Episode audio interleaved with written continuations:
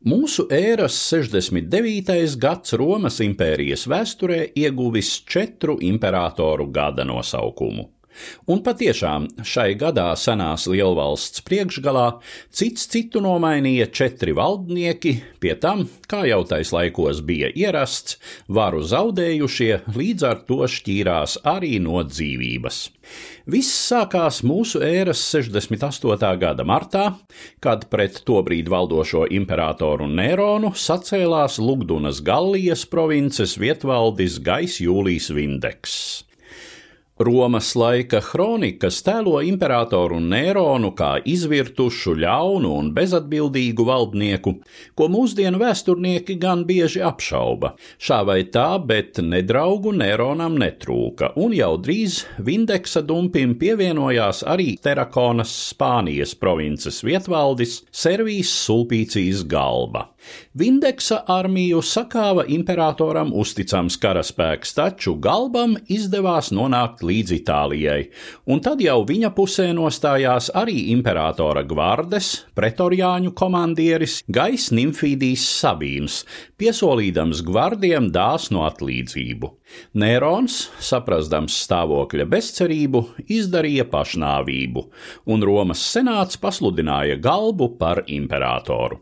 Līdz ar Nēronu aprāvās pirmā Romas imperatoru dinastija Jūlija Klaudija.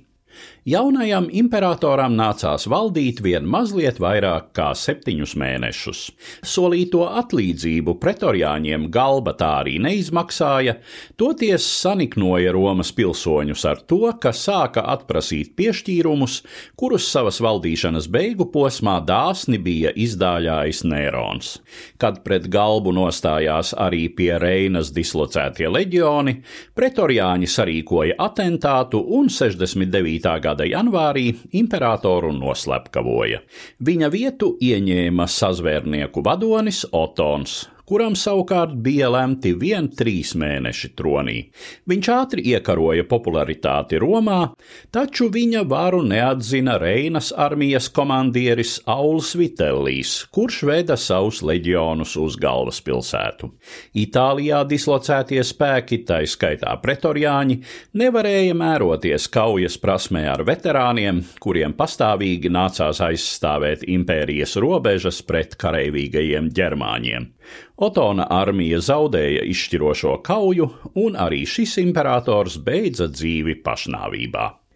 69. gada aprīlī senatori atzina par imperatoru Vitelliju. Jaunais valdnieks nebija sevišķi tālredzīgs. Viņš metās izbaudīt savu statusu, rīkodams krāšņas dzīves, kamēr viņa leģionāri nesodīti laupīja un slepkavoja tikām impērijas austrumos, jaunisceptajam imperatoram bija radies nopietns konkurents. Tas bija karavadonis Tic Flāvijs Vespasjāns, cēlies no vienkāršiem zemniekiem, viņu vēl Nērons bija nosūtījis uz Jūdeju apspiest pret romiešiem vērstu sacelšanos.